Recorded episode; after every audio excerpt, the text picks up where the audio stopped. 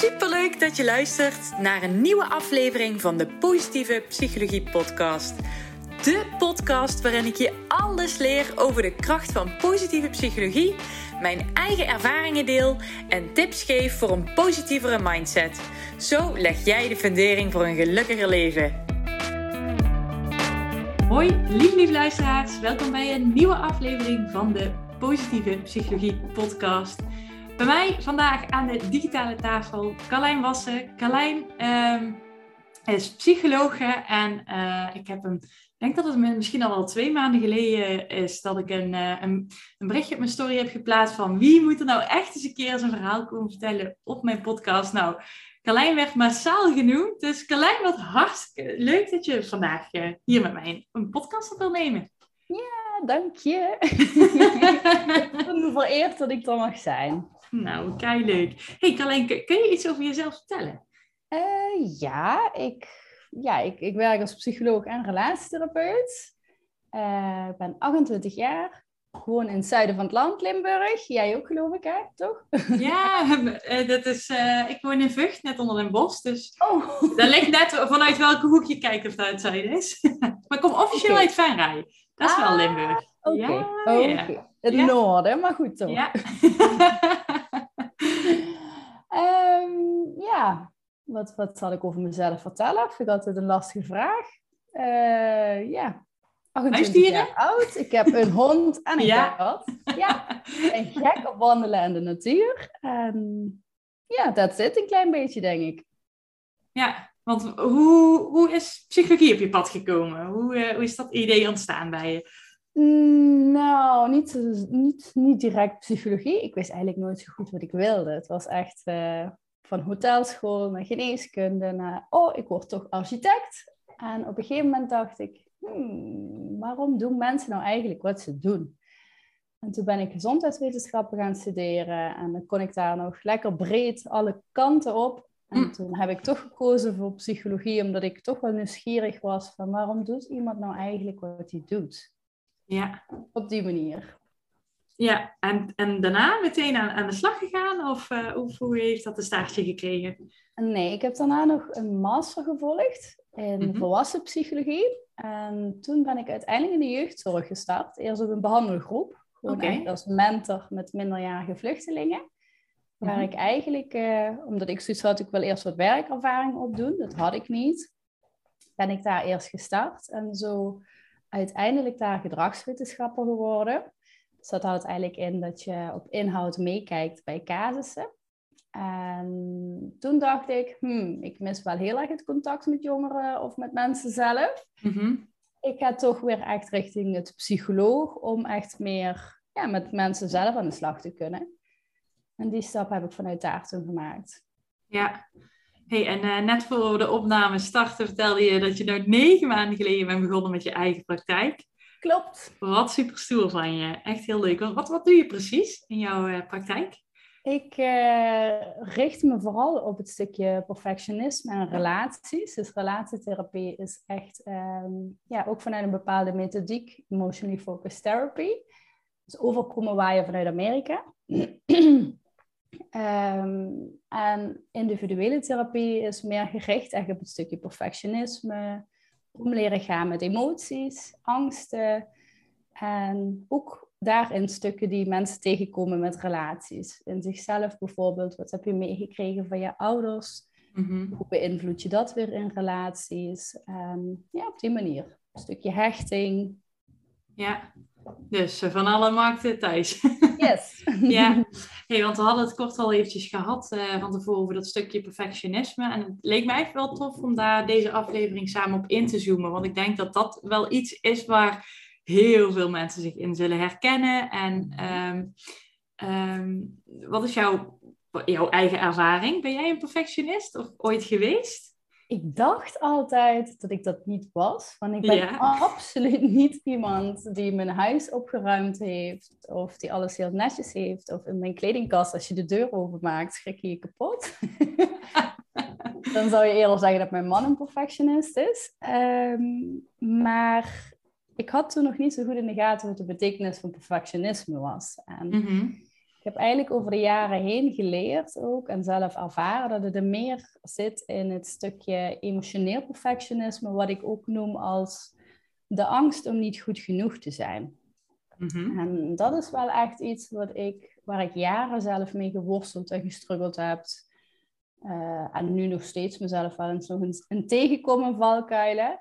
En wat ik ook bij heel veel mensen terug zie komen. Vooral het stukje dus niet alles geordend en perfect uitgewerkt. En uh, dat hoeft niet per se te vallen onder perfectionisme, maar meer het stukje eigenlijk er alles aan doen als je het gevoel hebt dat je niet goed genoeg bent om, ja, dat gevoel weg te krijgen met bijvoorbeeld pleasen van andere mensen of ja, het altijd maar goed genoeg willen doen en dat voorkomen op een bepaalde manier.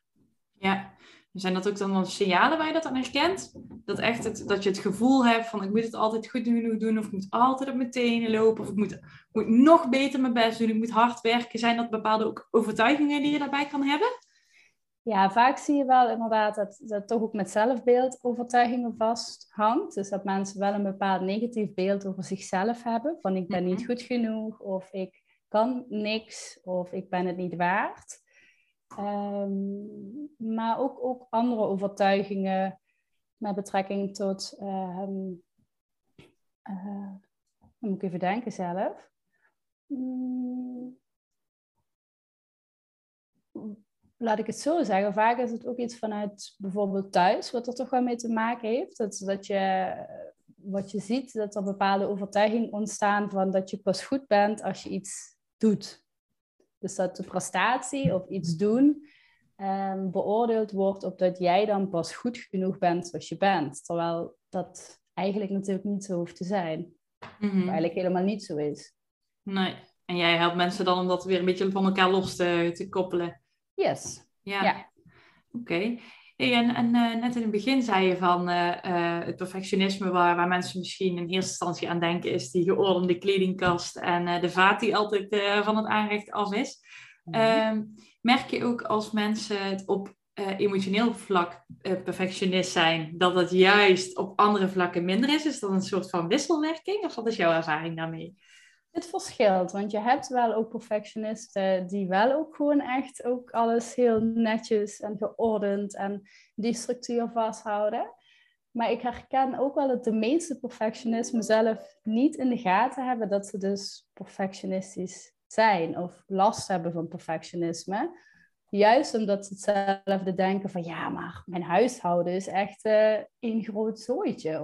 Of mijn huis is echt niet altijd schoon. En op die manier denken mensen dan gauw niet van zichzelf dat ze het hebben. Dus je ziet het toch wel vaak voorkomen dat er dan wel last kan zijn van emotioneel perfectionisme, mhm. maar niet van het beeld wat de meeste mensen hebben van perfectionisme.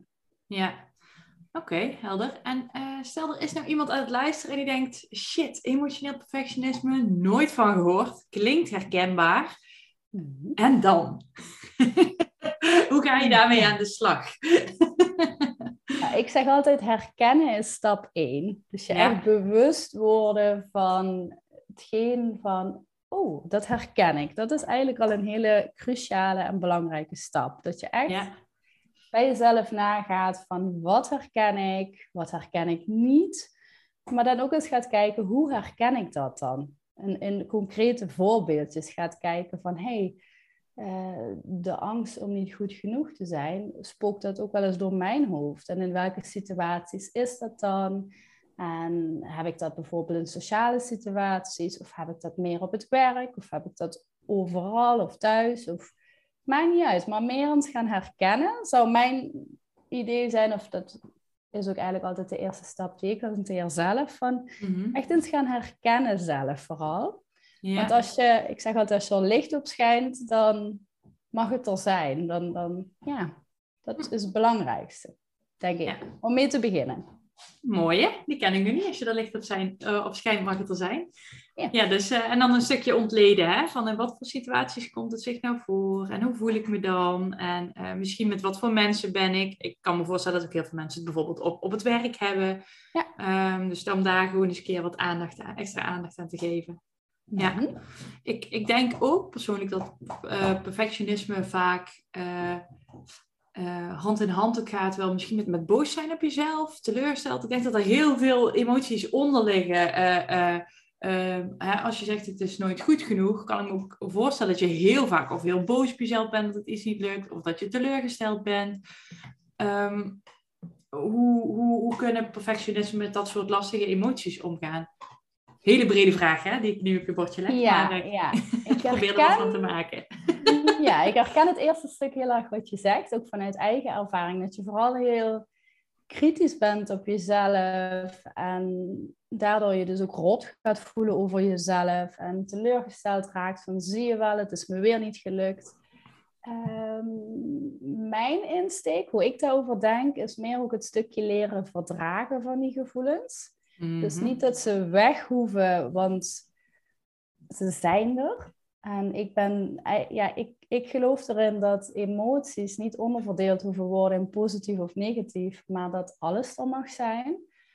Um, maar dat we meer kunnen kijken hoe je juist wat minder streng voor jezelf kunt zijn. In plaats mhm. van dat je dus ervoor gaat zorgen dat je dat allemaal niet meer mag voelen.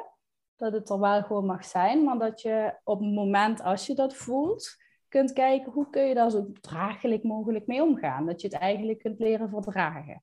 Ja. Snap je wat ik bedoel? Ja, dat snap ik uh, heel erg wat je bedoelt. Ik ben nou op dit moment toevallig zelf in therapie en dit zijn ook thema's uh, waar ik op dit moment uh, mee worstel. Mhm. maar het grappige is, dus dat ik nu zo streng voor mezelf ben, is dat ik, ik ben dus aan het leren om, om te voelen, emoties toe te laten. En soms ben ik dan gewoon heel boos op mezelf. Want ik wil godverdomme nu voelen, weet je. Dus het werkt ook... het werkt ook de andere heel kant op. Want dan... Ja. en, uh, en, mijn psycholoog zegt dan... Uh, uh, dat dan mijn emotie dan een, een, een, soort van schreeuwend kind op de achterbank in mijn auto is. Dus dat ik die, die, dan maar de aandacht moet geven. Maar ja, ik heb inmiddels geen achterbank meer in mijn auto. Omdat het hondenhok staat. Nee, even, dat hmm. is klets. Maar ja, het is gewoon super lastig om, om als jij je emoties en gevoelens zo lang hebt weggeduwd, om, om die weer toe te laten. Want hoe, hoe, hoe, is, hoe is dat proces voor jou gegaan? Hoe ben jij daarmee aan de slag gegaan? Weet je dat nog? Ja, want ik herken precies wat je zegt. Ik leefde ook echt in mijn hoofd. Ik was echt een wandelend hoofd. En ik mhm. weet nog dat ik toen, uh, toen ik dus als gedragswetenschapper werkte, dat ik dacht, het, het, is me te veel. Ik, ik snap niet waar het misgaat, maar ik merkte gewoon van, ik trek dit niet. Ik was elke dag moe. Dus ik dacht, ik ga een mindfulness cursus volgen. Maar mhm. toen lag ik daar dus op een matje en ja, toen zei ze van, ja Carlijn, voel je voet of voel de sok om je voet. En ik dacht echt, hè, moet ik dat voelen? Kan ik dat voelen? Ik voel helemaal niks. Ik, ik voelde mijn hele lijf eigenlijk helemaal niet. Ik stond helemaal niet in contact met mijn lijf. En ja, voor mij was dat ook normaal, want ik heb zo jaren op automatische piloot geleefd. Dat was ook, zie ik ook heel vaak dus bij perfect, perfectionisme terugkomen. Dat heel veel mensen heel erg sterk zijn in denken en rationaliseren en mentaliseren, maar dat het stukje voelen daardoor juist ook, ja, het wordt daardoor wel ook van afgeleid. Hè? Dat, merkte ik bij mij ook. Van elke keer als er dus iets was wat ik lastig vond om te voelen, schiet ik in mijn hoofd. En dan ging mijn hoofd me afleiden van wat er eigenlijk in mijn lijf gebeurde, zodat ik toch weer door kon gaan op het werk bijvoorbeeld. En over grenzen heen ging. Dus ik heb echt moeten leren voelen. Ehm, sorry.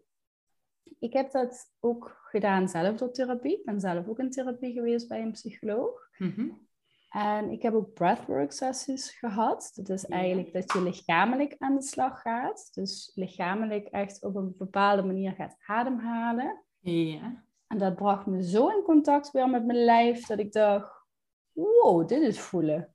Ja, ja. maar dat is dus even om het helder uit te leggen. Tussen de mindfulness cursus en dat breathwork hebben we echt het, misschien drie, vier jaar tussen. Dat ik daar echt heb moeten leren voelen weer. Gewoon om, ja, wat is voelen eigenlijk? Dat meer. Ja. Ja. En dus hoe, hoe is dat nu voor je? Is dat een beetje beter in balans nu? je hoofd en je lijf? Ja, ik merk nu dat ik soms te goed weer kan voelen. Dat het misschien vanuit het perfectionistische valkuiltje soms nog doorgeslagen is van de andere kant. Dat ik dan soms denk, oh, ik voel dit. Oh, neem dat ook maar niet te serieus. Want nu voel ik juist alles, wat mij betreft, heel goed weer. Ja, ja. oké. Okay. Dus van het ene uiterste naar het andere uiterste. ja. Yes. Ja, maar ja, ik denk, ik denk oprecht dat dat gewoon een heel lastig thema is om, om weer in contact te komen met je gevoel. En ik, ik denk inderdaad ook dat het een, een, een lange, lange reis is. Maar dat het je hmm. uiteindelijk wel heel veel moois, uh, moois gaat, uh, gaat geven, gaat brengen. Ja, ja. ja. Het is ook echt gewoon belangrijk, denk ik wel. Uh, ik denk dat, dat we om een reden hebben aangeleerd om in ons hoofd te schieten als perfectionist vaak. Ook als beschermingsmechanisme om bepaalde dingen niet te hoeven voelen. Ja. En ja, als je die dingen weer mag gaan voelen of als je weer gaat voelen, kom je soms ook hele lastige emoties tegen die nog een plekje mogen krijgen. En dat is wel, ja, dat is niet makkelijk. Nee, nee, dat is zeker niet makkelijk. Maar ik weet uit eigen ervaring, gelukkig inmiddels, dat hoe heftig het ook is, het, het appt weg. Dat emotiesurfen zal je wel kennen. Hè? Dus het komt op, zo'n zo'n gevoel, zo'n emotie. En het piekt, maar op een gegeven moment neemt het ook alweer af. Ja. Absoluut. En dat is echt makkelijker gezegd dan gedaan, maar het wordt beter. Ja. Ja. ja. En um, misschien een tip voor mensen die willen leren in contact komen met hun gevoel. Je kan, uh, je kan bijvoorbeeld een kwartiertje op je bed gaan liggen en uh, een soort van bodyscan doen. Hé, hey, wat voel ik nou in mijn lijf? Wat zit waar? Heb ik ergens pijn of ongemak? Of voelt, voel ik me juist heel ontspannen? Hoe is mijn ademhaling? Dat is iets wat je zou, uh, zou kunnen doen. Mm-hmm. Heb jij nog een waardevolle tip, Carlijn? Om weer in contact te komen met je gevoel? Misschien een praktische oefening? Of ja, ja, het is een hele simpele. En het is misschien ook voor sommigen, als ik een mens vertel of voordoe, denken mensen dat ga ik niet doen. Dat is een beetje gek. Maar het is eigenlijk gewoon gaan staan en je hele lijf gewoon echt... Oh, ik doe het voor me. Het schuurt over de grond. Echt even alles loswiebelen. Echt even shaken. Echt gewoon je hele lijf losbewegen. Ja. En ja, dat kan ook op muziek bijvoorbeeld. Het kan ook dansend. Maar gewoon echt even je hele lijf lostrillen, bij wijze van spreken. Omdat je dan ook merkt van, hé, hey, wacht even, ik voel daar wat van spanning. Ik wiebel het er gewoon even uit. En ja, wat jij net al zei, een hele mooie, die ik zelf ook heel veel gebruik, is echt op je ademhaling letten. Echt even bij jezelf inchecken. hey, adem ik snel? Adem ik langzaam? En dan even checken, waar voel ik spanning in mijn lijf? En vooral blijven oefenen. Ja, ja, kracht van herhaling. Dit gaat niet in één dag over helaas. Was dat wel zo? Als je die pillen kon halen, dan stond ik gewoon aan de deur. hey, en dat, uh, dat shaken, dat schudden, doe je dat, uh, doe je dat op een bepaald moment? Doe je dat elke dag? Hoe ziet dat ik eruit? Ik heb het net nog uh, voor onze podcast gedaan. Ik, ik, doe dat ah. eigenlijk ook op momenten als ik merk van... Oh ja, dat, dat wil ik dadelijk gewoon echt even bewust kunnen meemaken. Of echt even kunnen voelen. Of gewoon ja, gewoon even uit een bepaalde energie, dan uh, doe ik dat eigenlijk standaard altijd eventjes. Ja, ja. en hoe, hoe lang? Hoe lang schud je? Oh, dat, dat, dat hoeft niet lang. Dat kan 10 seconden zijn, maar soms voel je ook dat je daar wat langer voor nodig hebt. En dan is het een minuut, bij wijze van spreken. Oké. Maar gewoon dat je je lijf echt even gaat voelen. Dat je merkt dat je ja, geschud hebt, laat maar zeggen. Ja, oké. Goede tip is grappig, hè? Want ik, uh, ik heb nou uh, sinds kort uh, een puppy. dat, dat weten mijn oh. podcastluisteraars weten dat ook. En ik, ik kijk altijd vol bewondering naar haar. Want zij heeft heel veel dingen die mensen eigenlijk ook zouden moeten overnemen. Als zij wakker wordt en zij slaapt, zij rekt zich helemaal uit. Van top tot teen. Dat doet ze een paar keer. Ze schudt om, om wakker te worden. Dus die, en als zij spanning voelt en ze is uit die spannende situatie, dan schudt ze ook. Precies. En dat is het. Precies, dat is Je, slaat de spijker op zijn kop, dat is het precies. Want dat zie ik dus bij Linus, mijn hond ook. Als hij iets spannends heeft meegemaakt, of als hij iets... Hij, ja, ik zeg altijd shoedelen, dat is dan Limburgs mhm. schudden. dan zie je het gewoon even gewoon van hem afschudden. En dan, ja, dan, dan ja, dat, precies dat. ja, ja, ik vind het altijd leuk om te zien dat ze dat zo van nature hebben denk, dan kunnen wij wel wat, uh, wat van leren. Ja. Yes, ja. Oké. Hey, uh, Carlijn, jij uh, vertelde mij dat jij zelf ook een eigen podcast had. Kun je daar wat over vertellen? Wat, uh, wat, wat doe jij op je podcast? Hoe kunnen mijn luisteraars jouw podcast vinden? klopt, ik heb een podcast. Moet ik wel eerlijk bekennen dat ik daar eigenlijk al maanden niks meer op geplaatst heb. Mm -hmm. jullie kunnen hem vinden onder Love Digger, de podcast. Dus love, in plaats van Gold Digger is het Love Digger, de podcast. En ja, ik, ik, deel daarin vooral tips en ook gewoon praktisch hoe kun je met bepaalde dingen omgaan, zoals met emoties of ja, verschillende dingen. Um, maar ik ben er niet zo heel actief op. Dus het is bij mij meer in flow als ik het gevoel heb, ik ga een podcast opnemen, dan komt er eentje aan. Dus dat is een tijdje geleden alweer. Oké, nou helemaal goed. Nou ja, er zullen vast uh, wat afleveringen online staan, dus die, uh, die kun je gaan luisteren. Um, Carlijn, ik wil jou mega bedanken dat je hier te gast wilde zijn vandaag. Dankjewel voor jouw uh, waardevolle inzichten en, en tips. Jij dankjewel dat ik deel mocht nemen. Ik vond het hartstikke leuk. Graag gedaan. En jij bedankt voor het luisteren en tot de volgende keer. Heel erg bedankt voor het luisteren. Mocht je deze aflevering interessant hebben gevonden, maak even een screenshot, deel het in je story en tag me op Instagram. Mijn accountnaam is Eline underscore online coaching. Zo gun je ook anderen een positieve mindset. En ik vind het heel erg leuk om te zien wie er allemaal geluisterd hebben. Tot de volgende keer!